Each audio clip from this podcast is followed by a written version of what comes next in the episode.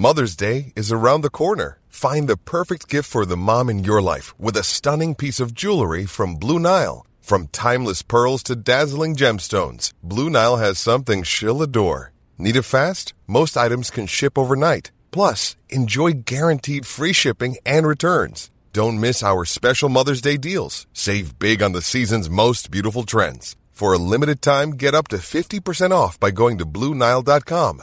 That's BlueNile.com. Said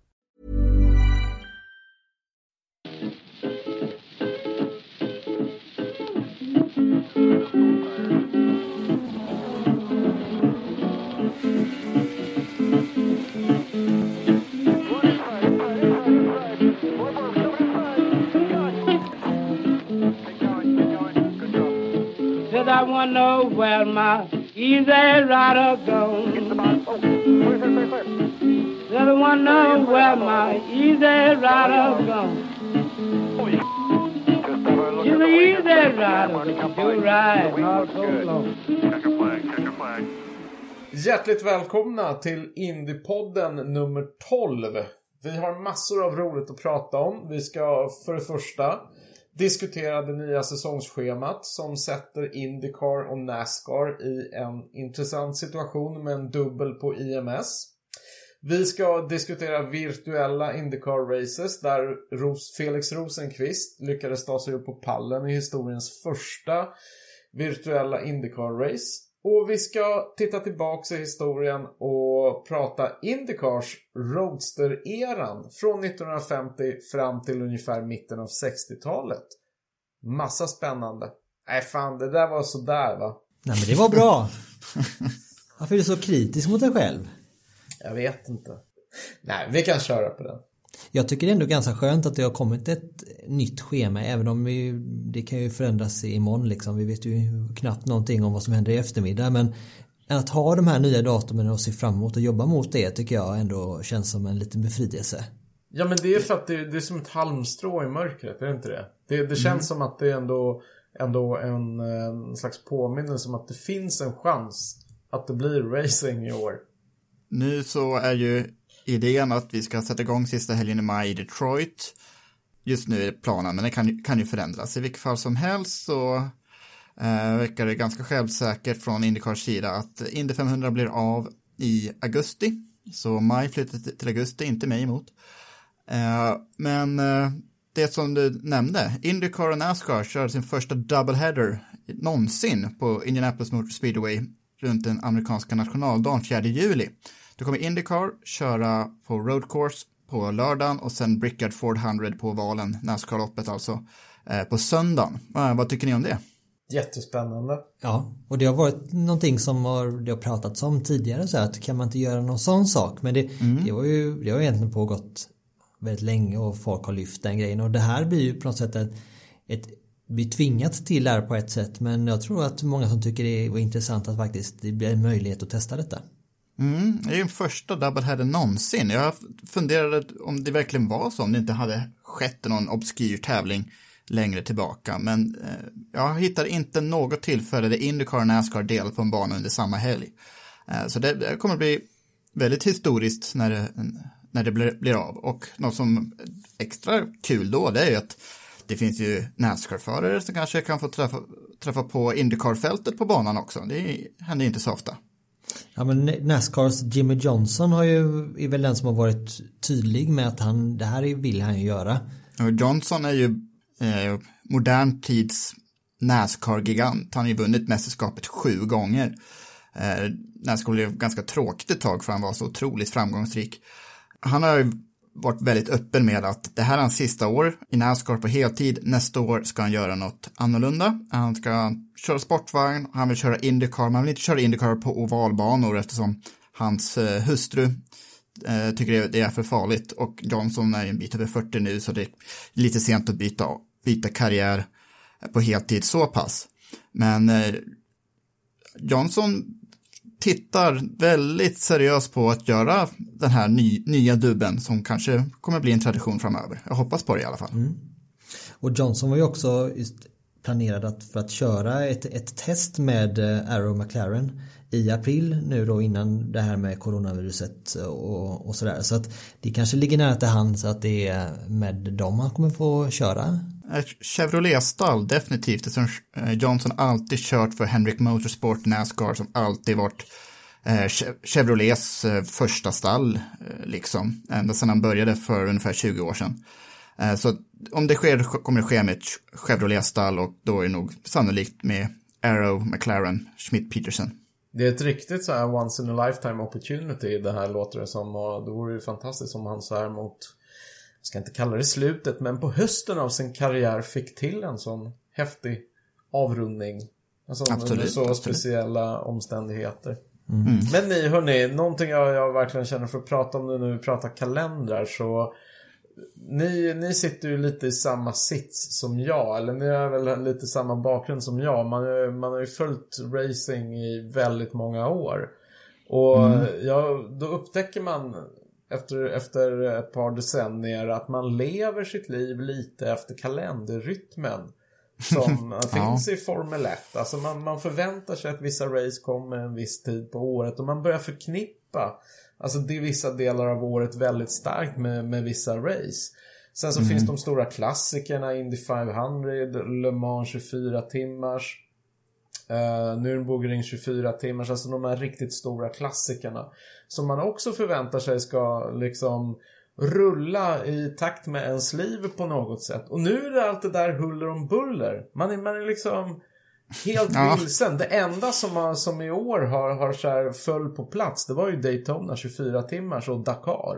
Som kickade igång året. Men sen har ju mm. liksom, jag vet inte, jag känner mig lite som Många av oss, inklusive mig själv, jobbar ju väldigt mycket hemma nu för tiden och man blir lite sådär dagvill. Vad är det för dag egentligen? Ja, Trots att man sköter sitt jobb och liksom går ner till sitt hemmakontor.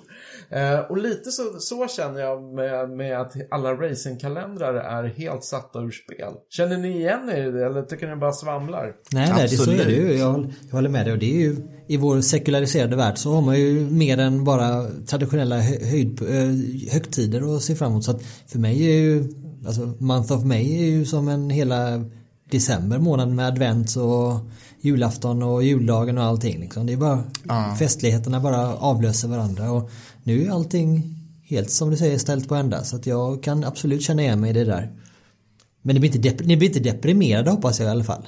Nej, nej, men alltså det är ju det, det, det, är på något sätt ett kvitto på hur mycket det här betyder för en. Vilken, vilken viktig roll sport överhuvudtaget spelar i människors liv. Nu är inte jag särskilt sportintresserad men utöver racing då eller motorsport överhuvudtaget. Men jag har en, jag har en, en arbetskompis som är extremt fotbollsintresserad och vi pratar om precis det här att han, han upplever samma sak att, att liksom livet följer inte de här de här eh, invanda banorna som man på något sätt lär sig uppskatta när man följer någonting under, under många år. Det betyder mycket för en och det är fan en liten sorg.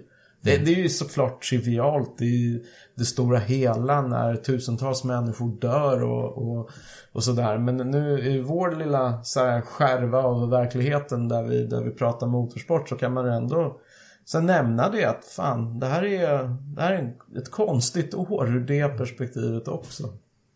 För oss är ju det här precis samma sak som de som är fotbolls och ishockeyintresserade och sådär. Man hänger ju, det är ju en intresset, det är en del av vardagen också. Någonting man andas och tänker och sover och drömmer eh, dygnet runt, året runt. Så att det är klart att man kan som, säga att ja, det här är bara en liten del och obetydlig del. Ja, det kan man väl säga i det stora hela men det är ju ingen liten del av ens tillvaro och då på så sätt tycker jag det man ska inte förringa det heller. Det, Nej, det har, du, det har du helt rätt Jag håller helt med och det man får inte jag håller helt med. Man får inte underskatta de sociala bitarna heller. För många av oss så är ju motorsport en viktig källa till umgänge.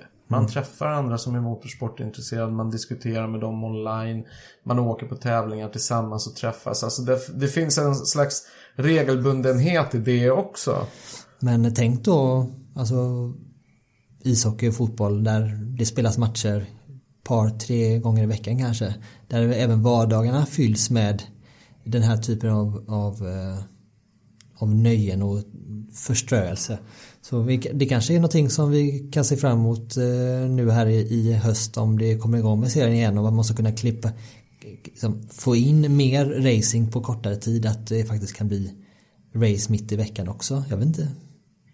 Ja, man får flytta på månadsrytmen för augusti-september som det ser ut nu kommer ju bli Ja, det kommer ju bli lilla julafton eh, då förhoppningsvis, för då har vi ju eh, Monaco uteblir i år, men Indianapolis och sen Le Mans och Nybering 24 timmar i september också. Så det kommer bli fullspäckat då, men just den här väntan, det är, mm.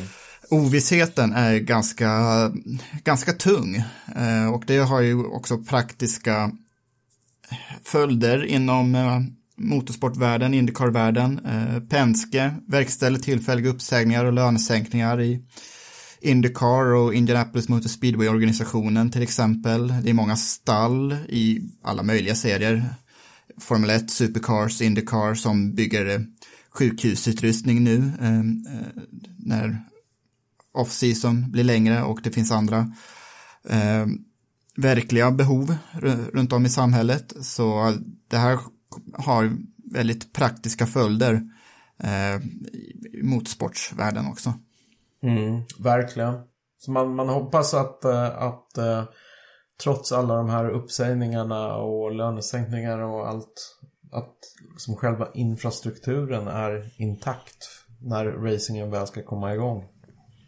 Jag undrar om de kommer köra inför tomma läktare nu här i maj om det är så att de bedömer situationen som att nej men det är inte läge att träffas eh, många på ett ställe. Jag tror det, det är ju en väldigt stor sannolikhet att det beslutet kommer tas. Frågan är om nu med lite framförhållning om de kom, ändå kommer köra och eh, förlita sig på eh, att fler tittar på tv helt enkelt. Ja, det, det, tror jag blir svårt i Detroit eftersom, eftersom det är en stadsbana trots allt. Mm. Det kan definitivt ske om vi tänker Texas Motor Speedway som ändå ligger bit utanför för Fort Worth i Texas.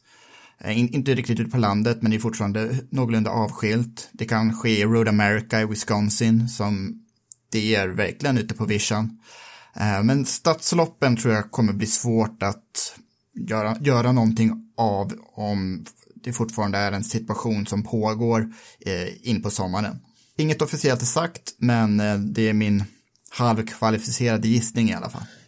Jag tror också att det kommer vara väldigt enorm ovisshet kring det här. Kring alla arrangemangen som är planerade väldigt länge. Sen undrar man ju hur länge man kan eller hur länge arrangörerna kan leva med den ovissheten. Ja, det är Penske som driver också loppet i Detroit. Eftersom det är där han har haft sin organisationsbas. Så uh, han uh, kommer nog ta ett beslut när han känner det och uh, vi alla litar ju på Roger Penskes omdöme i alla fall. Det har vi sagt i våra tidigare avsnitt. Absolut, men jag tänker också på att, att vissa, vissa av de besluten kommer vara beroende av vad man fattar för beslut centralt i, i USA. Jo, förstås, förstås. Så, kanske bortom Roger Penskes för övrigt äh, allsmäktiga kontroll. ja.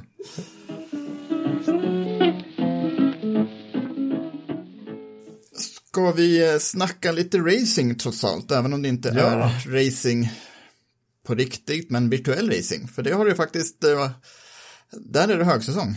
Ja, och det var ju riktigt kul i helgen. En stor framgång för Felix Rosenqvist. Mm. mm. För det var ju, vad heter, man får säga, historiens första virtuella Indycar-race. Det var ju väldigt officiellt får man säga. Absolut. Och vad mycket bättre det var än Formel 1 försök. Ja, och bättre än The Race eh, olika evenemang som de har styrt ut de senaste helgerna. För eh, Felix var med först på söndag eftermiddag med på The Race e-sport All-Star Battle. Eh, nu körde de på Silverstone och Felix i lördags va? Sa du, sa du söndags? Ja, I lördags, i lördags menar jag. Ja, eh, och Felix var med i några incidenter första loppet och sen var han inte med i Last Chance Qualifier. Så han fokuserade väldigt hårt på Indycars nu officiella eh, e-sportevent, American Red Cross Grand Prix och de körde på Watkins Glen där man inte kört Indycar de senaste åren och 2016 var senast, alltså, men det är ändå klassisk mark och eh, det blev en ganska rolig batalj där mellan Felix Rosenqvist och kanske en bubblare, Sage Karam. Och Sage Karam är ju riktig iRacing-nörd, så jag är inte överraskad att Karam Eh, var så pass snabb. Men det var, var en spännande batalj de hade. Mm. Ser, du till, ser man till det stora hela på om, om vi går, ja, vi kan hoppa framåt och se resultatet här. Det var ju, det var ju Sage Karam etta så var det ju Felix eh, tre och en halv sekund efter där och så kom eh, Will Power. Grymt imponerad av honom faktiskt. Eh, 11 sekunder efter på. Det var, det, det var topp tre. Sedan efter det så var det ju lite, där märktes det av ganska tydligt att det är många som är nybörjare på det här med simracing. För eh, jag tror Joseph Newgarden blev ju, han var inte, han råkade inte ut för några incidenter överhuvudtaget.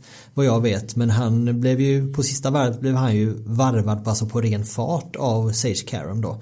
Så över en race-distans så var Sage ett varv före New, eh, Joseph Newgarden då. Och det, det säger väl en hel del om att det, krä, det tar, krävs lite tid och några varv för att komma in i det här liksom oavsett hur Ja, duktig du är. Så eh, jag tror att det kommer nog jämna ut sig allt eftersom här nu för eh, men det var, det var ett litet mellan topp, toppen och botten var det väldigt långt den här gången. Det var det, men visst jag håller med. Det, det verkar som att det krävs lite tillvänjning. Om du inte heter Felix Rosenqvist. För vi får faktiskt inte komma ihåg att han var ju snabb direkt från början. Redan första gången han, han var med om den här typen av evenemang när han fortfarande körde Formel E. Så var han ju omedelbart snabb i, i simracing. Och det, det mönstret har ju stått sig sedan dess. Han är, han är kanske inte liksom där och hugger på pall, pallplatser varenda gång. Men, men han är ju alltid med, han är ju alltid snabb liksom. Och just eh, bataljen med Karam som då vunnit 33% av alla iRacing-lopp han någonsin kört eller, eller något sånt. Eh, det var ju 3,5 sekund i mål men det var ju liksom aldrig mer än 4 sekunder mellan dem under hela loppet. Så det var väldigt jämnt och snyggt kört av bägge. Eh, bägge väldigt in- incidentfria lopp från dem. Karam fick en, en rejäl eh, skrämselhicka när Kyle Kirkwood som ska köra Indy Lights i år, han fick hoppa in i Ryan Hunter Race istället. Kirkwood kraschade precis framför Karam och det var ju med en hårsmån som Karam kom förbi där. Eh, men ja, det det är just som där, den där jämnheten som man som eh, man nog mest är ute efter i de här trevande inledande iRacing eh, försöken som, som de gör. Och där är ju också, det här är en egenskap som jag tror verkligen premieras i simracing. Att vara så här, kunna ha den här förmågan att vara extremt noggrann och precis och jämn i sin körning. Och det är någonting som jag faktiskt tror Felix har. Det är, inte, det är inte för inte att han är någonting av en eh, stadsbanespecialist där den typen av köregenskaper också premieras. Man har ju en otrolig fördel av att verkligen kunna vara så jämn och så, så precis som Felix ofta är i sin körning. Och det, jag undrar om inte det finns någon egenskap där hos honom som han har väldigt snyggt lyckats liksom ta med sig in i simracingvärlden. Mm. Hur gick det för Marcus Eriksson då? Det gick eh, som man skulle kunna förvänta sig av en som är nybörjare på iRacing egentligen. Han eh, kvalade Ja, in, det han startade, nej, han startade åttonde startled var det. Eh, sen så var han inblandad i den här kraschen som var på varv ett som involverade ett antal bilar. Sen Mm. så fick vi reda på att han eh, hade problem med internetuppkopplingen.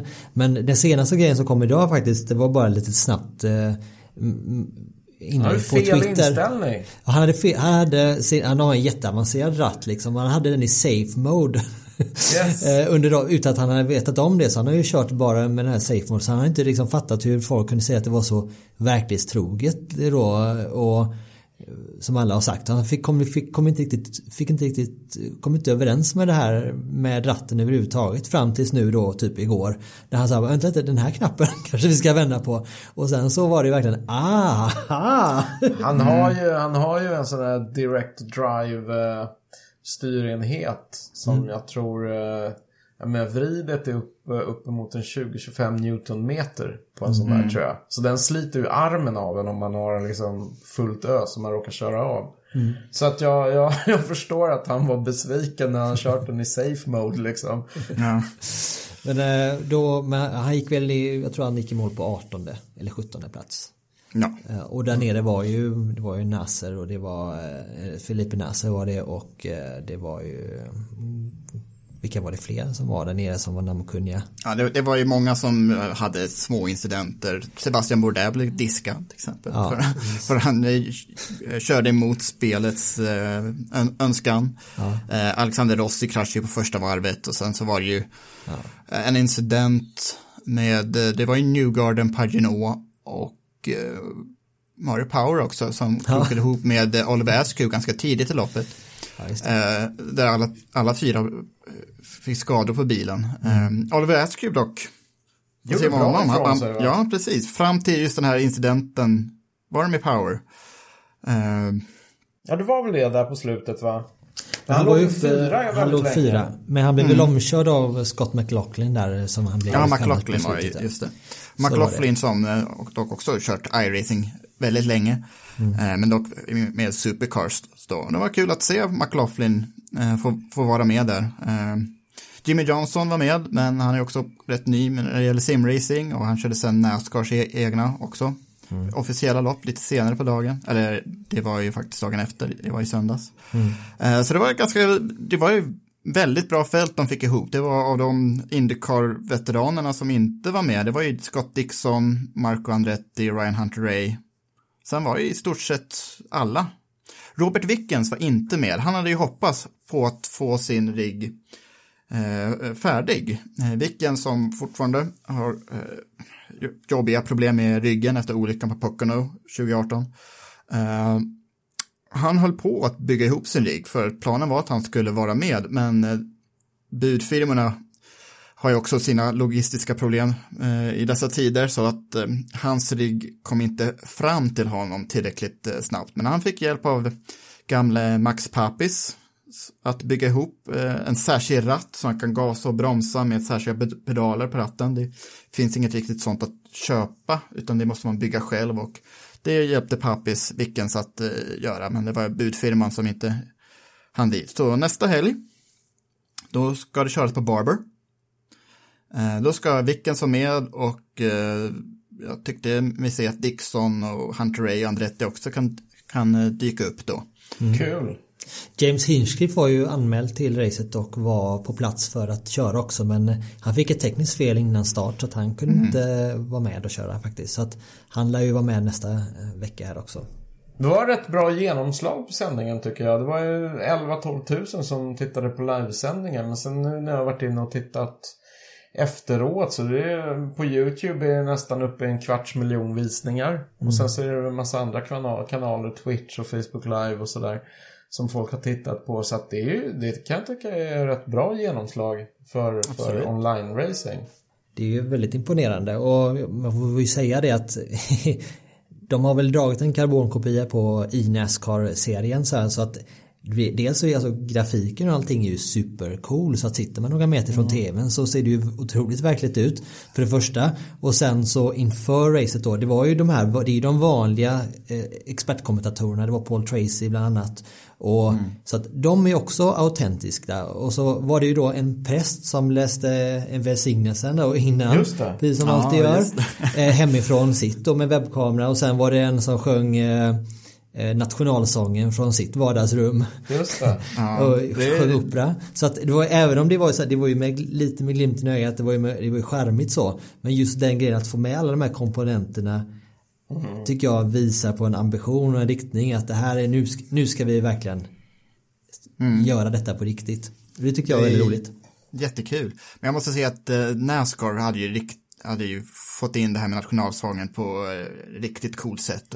De hade med Bob Weir från Grateful Dead och Grateful Dead är, är ett av mina favoritband, men jag tycker det var riktigt coolt att de fick med en riktig rockstjärna och sjunga nationalsången inför eh, deras e-sportlopp. Det vill jag bara få sagt. Men eh, folk tar det på allvar och det är jättekul att eh, det är någon form av racing högsäsong nu, trots att all, vi alla måste sitta hemma i stort sett. Absolut, och jag tror att det är en helt smart strategi att visa att man tar det på allvar själv. För då bidrar man till att andra kommer ta det på allvar. Och det är för att åter plocka fram min käpphäst. Det var där Formel 1 misslyckades. Det kändes inte som de hade tagit det på allvar. Bara slängt in lite folk i lite olika bilar och bara, ja ah, men nu kör vi nästan Bahrains Grand Prix. Och så var det inte ens i närheten. Det kändes inte på allvar och då är det rätt svårt att förvänta sig publiken att ta det på allvar. Så jag hoppas F1 kollar, eller tittar i helgen och tar intryck av, Mm. av Indycars eh, arrangemang. Men eh, vad händer framåt då? Om vi ska säga några ord om det. För det tar ju inte slut här va? Nej, det ska bli sex lopp totalt. Barber nästa. Sen så ska de ha lite omröstningar om eh, vilka de andra loppen blir. De vill ju få in ett par ovaler till exempel. Och det allra sista loppet, då ska de ha en drömbana. Alltså en bana där Indycar aldrig kört. Och då är ju urvalet det som finns på iRacing. Så det kan bli Falkenberg. Falkenberg tror jag inte finns på iRacing, men det vore ju en ganska, ganska cool, cool Ja, eh, bana. Om man kör den i vänstervarv, då blir det som en oval nästan. Nej, men eh, eh, iRacing har väl Le Mans, har väl Nürburgring Nordschleife. Spa. Eh, Spa har de. Eh, min favorit där var till Oran Park, en nu nedlagd riven bana i Australien som är eh, lite som en australiensisk Knutstorp. Bathurst. Ja, Bathurst just det. coolt. Phillip Island, eh, Suzuka.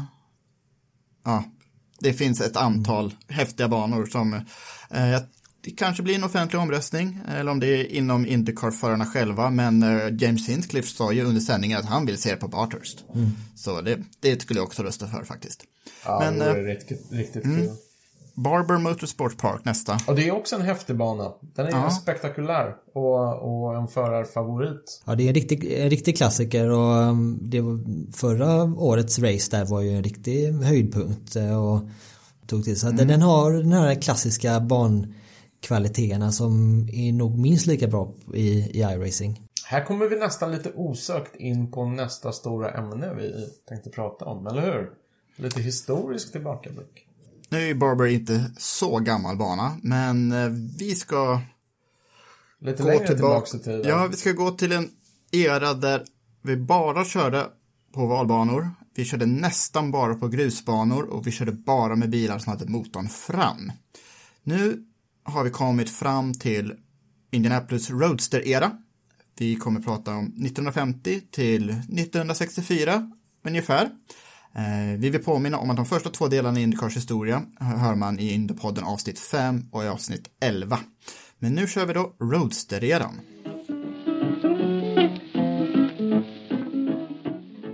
Meow. Nej, jag, det är bara Gergi som kan säga det. En gång till. Ska vi köra den? Ja.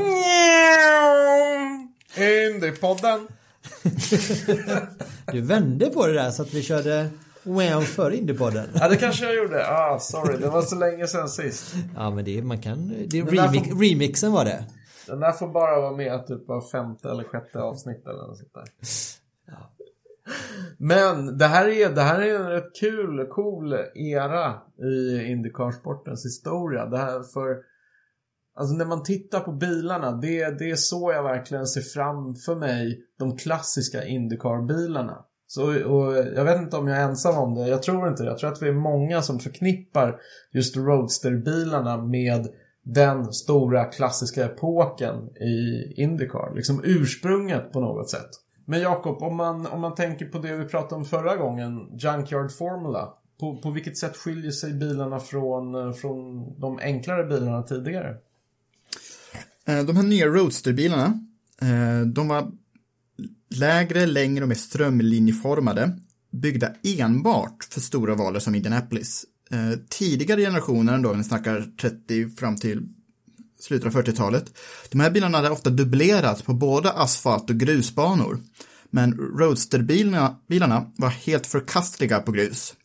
Eh, så sent som 1952 så vann en Dirt Car, Indianapolis igen, men det skulle aldrig ske efteråt eftersom de här nya Roadsterbilarna de var för långa för att man skulle kunna köra dem på sladd liksom. Ja för det var väl så att 1950 så det var det, det var väl de flesta var, eh, gru, eh, gick på, eh, på dirt tracks då va? Mm. Om vi ser, ser kalendern 1950. 12 lopp ingick, varav 10 var på grus och sen så var det Indianapolis och sen eh, Darlington i So- South Carolina, den här klassiska Nascar-banan. Så de här nya dyra bilarna, de användes två gånger om året. Eh, och om vi hoppar fram till 1954, då var säsongen 13 lopp lång, fyra, fyra lopp gick på asfalt, eh, men två på kortvalden Milwaukee som är en mile lång. Och där var också roadsterbilarna egentligen eh, lite för långa, lite för, lite för låga, de hade inte knappt eh, svängradie, så där var också ganska förkastliga, så där kunde man använda dirt-bilarna. Eh, så pass viktigt var Indy 500 på den här perioden, att man satsade stora resurser utvecklade en särskild bil enkom för en månad förra året. Mm. Här märker man ju att ekonomin hade blivit bättre. Efterkrigstidens ekonomiska uppsving. Det är ju säkert den som, som gjorde det möjligt att bygga den här typen av mycket mer specialiserade bilar, eller hur? Än vad man hade gjort tidigare. Säkerligen, säkerligen, eftersom eh, 50-tals amerikanska bilar är ju, har ju alltid varit jättestort i Sverige och det var mm. lite så man tänker sig hela USA var på den, var på den tiden. Väldigt utsvävande, väldigt eh, eh, vad ska man säga, nästan obscena vingar på, på, på, bilarna och man tänker sig stora Cadillacs. Man tänker sig också kanske stora V8. Men i, på Indianapolis så gick V8 inte riktigt hem. Eh, det var mycket mångfald när det gäller de som byggde bilarna, men motorerna de kom antingen från Offenhauser, fyrcylindriga, fyra liters eh, motorer. Offenhauser vann varenda lopp eh, under Roadster-eran.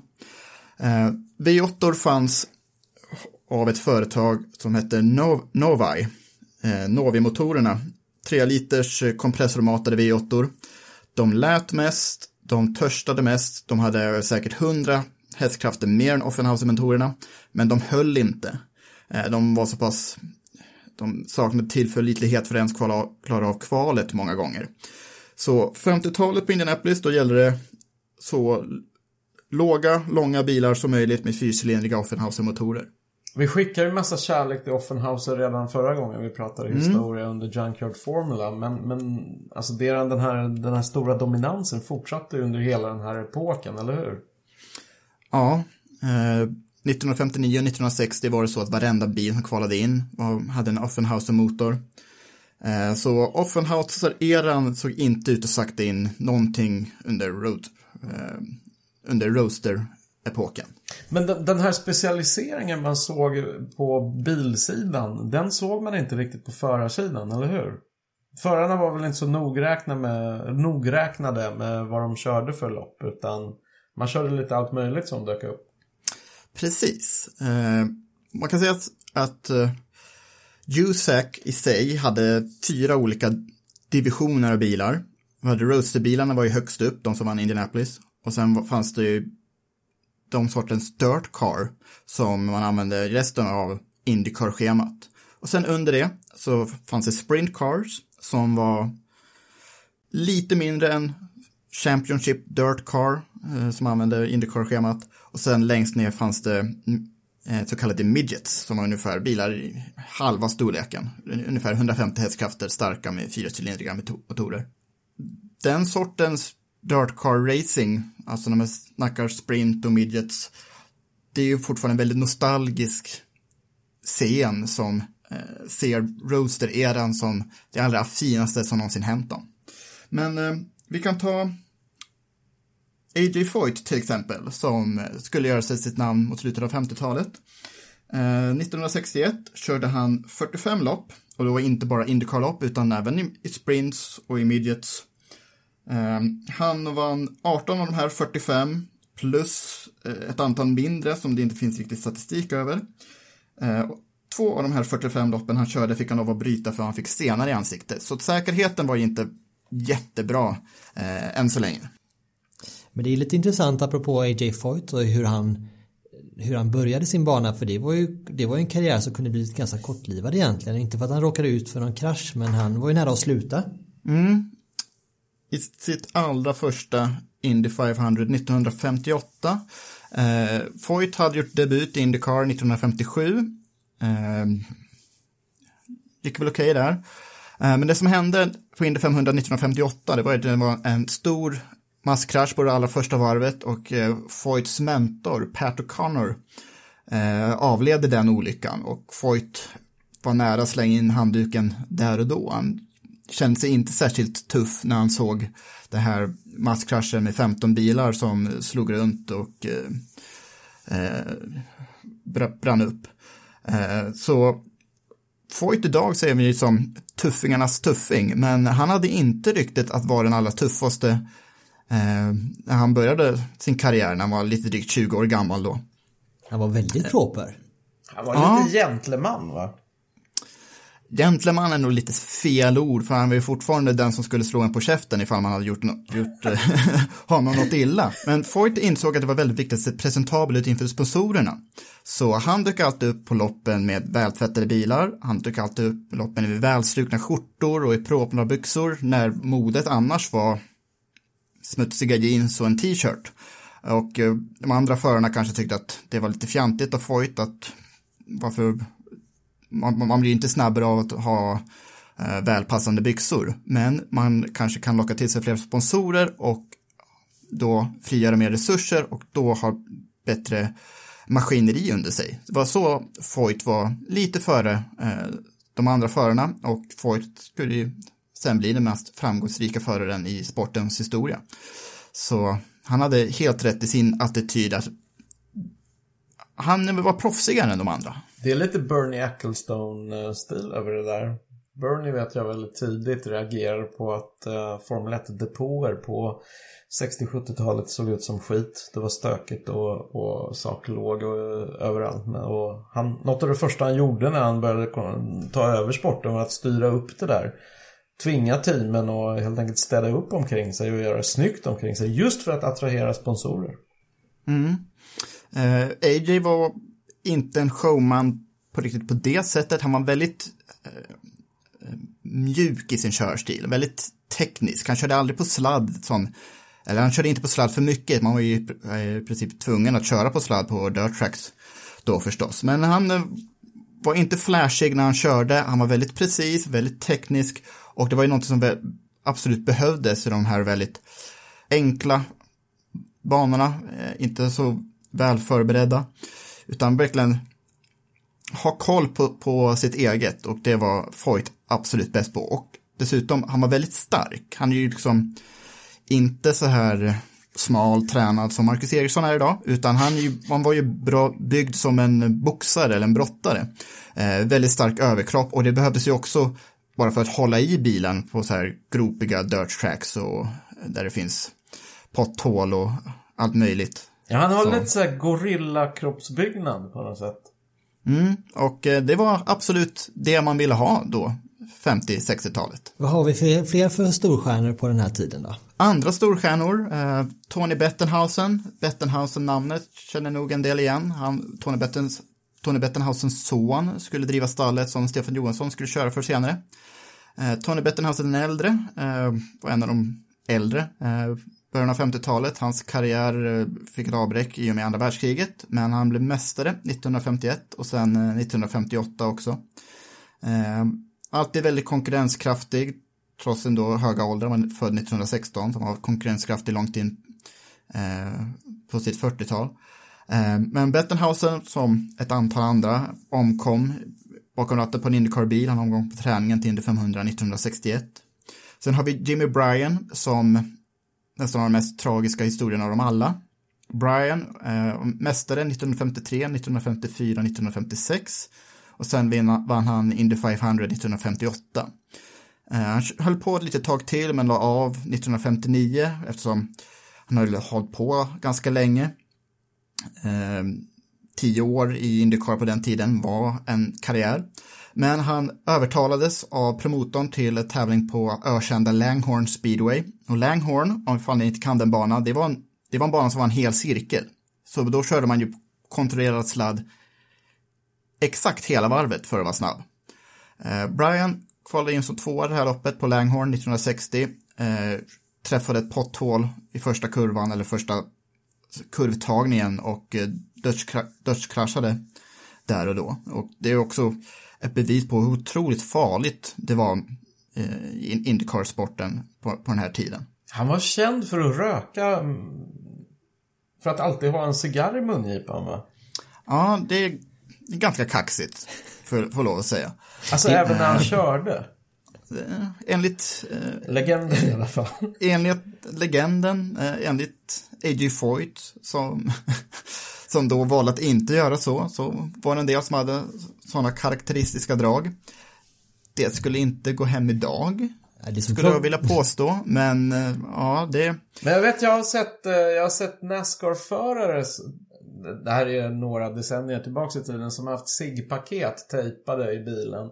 Som har suttit Ja. rökt medan de kört. Nu kommer jag inte ihåg vem eller vilka det var, men det verkade vara på allvar. Jag tror inte man ser det nu för tiden längre, men eh, Mm, det- det, är, det är väl lite så man bygger en image också. Eh, helt annat in, imagebygge än vad A.J. Foyt då såg var lämpligt. Eh, men ja, det, det fanns eh, en hel del karaktärer på, på 50-talet minsann. Och eh, om vi ska snacka om de mest framgångsrika innan Foyt så ska vi prata lite om Bill Vukovic också. Som eh, vi pratar om Bill, Billy Arnold, som var väldigt framgångsrik i början av 30-talet. Som var extremt dominanta i det de gjorde. Och Billy Vukovic är nog mest dominanta någonsin under sin tid på Indianapolis. han var ju otroligt överlägsen va? Om vi säger så här. Eh, han gjorde debut 1951, det gick väl sådär, men 1952 ledde han i 150 varv. Eh, bröt när styrningen gick sönder med 10 varv kvar. Eh, 1953 ledde Vukovic 195 av 200 varv. Slutade i en, överlägsen seger och loppet 1953 är också känt för att det ska ha varit det varmaste i Indy 500 historia. Det ska ha varit eh, mer än 35 grader varmt den dagen. Och eh, andra förare, liksom, de delade bil med varandra, de, eh, de svimmade i depån, men Vukovic, född i Kalifornien, eh, han eh, var lite kaxig och sa det, det är värre att köra traktor hemma i Resno. Eh, Vukovic vann igen 1954.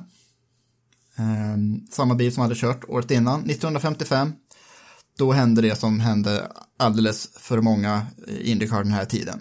Eh, han omkom i, i en olycka. Han, På Indianapolis va? på Indianapolis när han ledde överlägset. En kedjereaktion skedde framför honom. Eh, och eh, eh, Vukovic eh, bil slungades utanför banan och eh, hans liv gick inte att rädda. Men om vi tänker liksom på 110 år så har ingen förare någonsin vunnit två lopp, eh, mer än två lopp i rad. Men Vukovic var här nära att vinna fyra lopp i rad. För att han ledde stort 52 med 10 varv kvar. Sen vann han 53-54 och sen ledde han överlägset 1955. Så med lite ödets twist, twist så hade Bukovic var en fyrfaldig mästare. Eh, och eh, eh, han är fortfarande någon som man tänker är bland de vassaste förare USA någonsin levererat. Mm. Någonting som är rätt spännande med den här perioden det är ju den här kopplingen till Formel 1 och Formel 1-VM. Under de här åren så var det en ganska lång period som, som Indianapolis 500 ingick som, som en deltävling i Formel 1-VM. Ja, eller var det precis, var det, ingick det eller var det en del av det eller var det inte det? Det var väl lite ty, typ, typ. Vad, vad säger Jakob? Eh, Man Ja, delade typ, ju ut typ, VM-poäng, det gjorde man ju. precis. Eh, är ni redo för lite semantik då? Ja, vi För- gillar semantik. Våra Jag måste, jag måste veta, vad är, semantik. vad är semantik för någonting? It's an acquired taste. Det är en smak man måste lära sig. Ja, men semantik är typ begreppsdefinition va? Ja, eh, Som är för idéhistoriker Jakob, är det inte så? Jo, men typ. För om vi tänker Formel 1-VM då på 50-talet. Eh, det var ju, det, det hette ju inte Formel 1-VM. Det var ju världsmästerskapet för förare. Och, de, det avgjordes med for, tävlingar för Formel 1-bilar. Men 1952-1953, när det inte fanns några Formel 1-bilar i Europa, så använde man ju Formel 2-bilar. Så då säger, säger man ju att Formel 1 avgjordes med Formel 2 52-53, fast ja, hur går det egentligen? Eh, man ser ju ändå att Alberto Ascari som vann VM de två åren fortfarande Formel 1-världsmästare, men han vann aldrig ett världsmästerskap körandes en Formel 1-bil. Eh, det här höll ju på egentligen fram till 80-talet, men på 50-talet då, när Indianapolis 500 ingick i världsmästerskapet för förare, så använder man ju sig inte av Formel 1-bilar. Man använder ju sig av sitt egna reglemente, eh, Indycar-reglementet. Eh, det var samma reglemente som Formel 1 1950-1951, men 52 till och med 1960 som var sista året eh, som Indy ingick i världsmästerskapet så var det helt egna regler. Så ja, det ingick i vad vi nu kallar Formel 1-VM, men nej, det var inte ett Formel 1-lopp. Nej, så man kan säga att i, i, praktiken så det var ju inte som att Formel 1 var med och körde Indianapolis, utan det var snarare så att Indianapolis-förarna fick VM-poäng. Ja, och till slut så gjorde inte det här någon skillnad alls eftersom ingen som körde vanliga Formel 1-loppen i Europa någonsin tog poäng på Indianapolis. Ingen Indycar-förare eh, körde något europeiskt, eller ja, inte något annat Formel 1-lopp.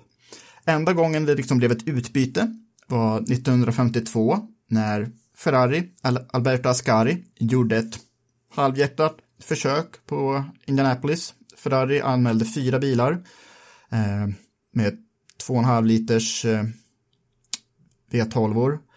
Bara Ascari och de här fyra kvalade in och eh, det slutade med ett brytet lopp efter ungefär 50 varv. Nå något sånt. Enda gången Ferrari gjort ett försök på Indianapolis och det var så här mm, halvhjärtat. Det var ändå pengar på spel och Ferrari vann resten av tävlingarna i världsmästerskapet och Ascari stod ju sen som mästare. Så men de byggde sen en prototyp på 80-talet va? Eller var det början av 90-talet till och med? Så var ju Ferrari mm. på gång och testade en prototyp. Ja, de byggde en prototyp, men eh, den startade aldrig någon tävling. Nej. Ehm, eh, så det här var enda gången som Ferrari gjort ett Indycar-lopp. Men sen så har vi några år senare, eh, trots allt ett lopp där både Indycar-världen och Formel 1-världen faktiskt skulle mötas på riktigt. Eh, vi pratar om Monsanapolis, The Race of Two Worlds 500 som kördes på Monza-ovalen 1957 och 1958. Vad tycker ni om att göra om det i moderna tider? Ja, det vore underbart. Du menar på, på den gamla Monza-ovalen? Eller tänker ja, du att man skulle det... sätta Indycar-bilar i ett Formel 1-lopp med det och köra på Indy 500?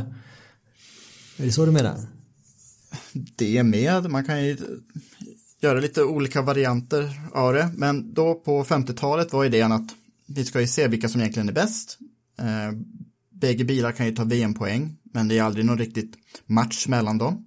Så man bjöd in de tio bästa Indycar-bilarna, Indycar-förarna till Europa och sen så bjöd man in så många europeer man bara kunde. Men grejen var ju det att Roadster-bilarna var ju byggda för enbart banor som Indianapolis.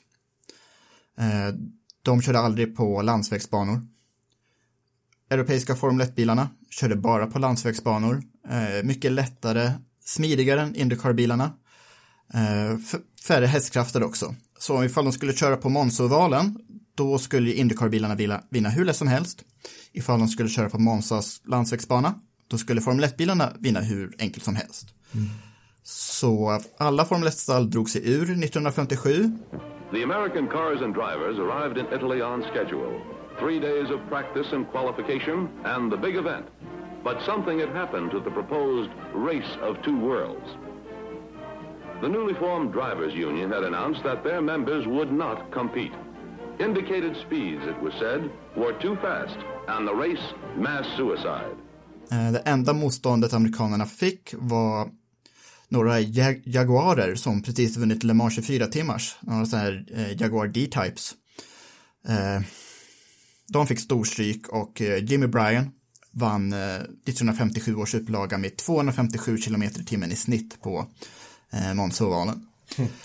Men då, men då kom ju de europeiska bilarna lite mer väl rustade 1958 och det var ju ett väldigt imponerande polvarv som sattes mm. där, eller hur? Jo, då eftersom det ändå var ganska mycket pengar på spel här så var det ett antal Formel 1-stall som faktiskt byggde riktiga bilar. Särskilt Ferrari tog det här på allvar nu eftersom de var på hemmaplan.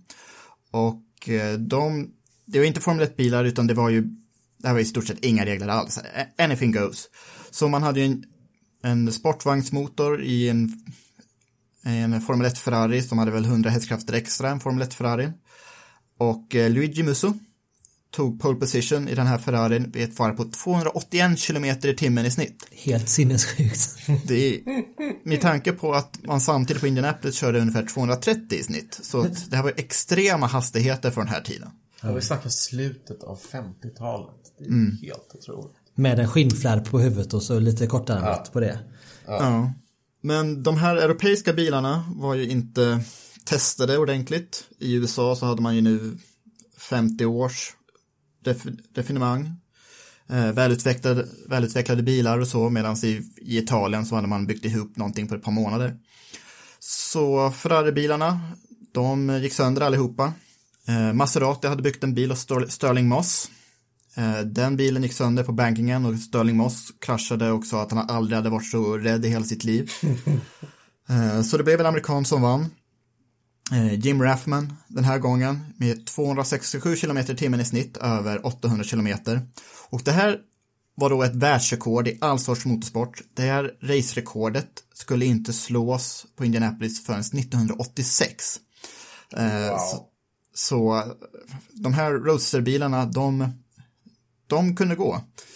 Eh, fantastiska eh, bilar, fantastiska lopp, men det här Monsanapolis, det, det, var, det, var, det är en rolig idé. Det låter inte som ett höjdarupplägg alltså. Ta Ja, två det- så det bara det- olika biltyper på en sån extrem bana. Så eh, det kom aldrig ske igen efter 1958. Men just den här idén, bästa från Indycar mot bästa i Formel 1, det skulle jag kunna skriva under på idag, men då måste det ju vara ett, ett, ett eh, rättvist upplägg, trots allt. Och det var det inte här, men det är ändå en eh, väldigt ro, rolig fotnot i motorsporthistorien och eh, Brittiska The Motor eh, kallar de här loppen för de mest kontroversi kontroversiella loppen i motorsporthistorien om man under, undantar från stora olyckor. Eh, och än idag så liksom, man får nästan lite gåshud när man tittar på de här bi- bilderna. Och eh, om man läser historierna och, och Monza-bankingen är ju ett historiskt monument kan man ju säga. Ja, och visst var det så att Juan Manuel Fangio var nära att delta? Han var där. Han skulle ha kört något av de här loppen va? Ja, han var där.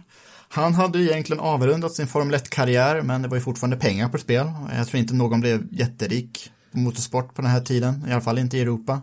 Så Fangio hade ju sneglat på Indycar efter Formel 1-karriären. Han körde på träningen på Indianapolis till exempel. Eh, Han var anmäld till Monsanapolis. Men bilen gick sönder innan start, han körde bara ett enda varv. Eh, Och sen så var det, så var det med det, liksom.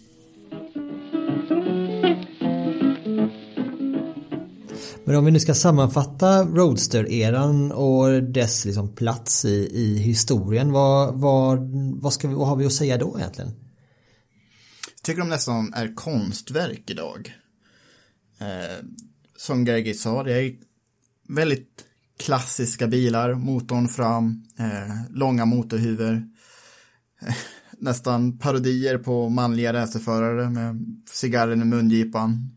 Gentlemannamässigt men ändå på samma sätt, samma gång. Eh, väldigt klassiskt amerikanskt. Eh, det är en period som det är hemkärt på något sätt. Förstår ni vad jag menar då? Kanske. Det är liksom, man känner igen sig i amerikansk racing på något sätt.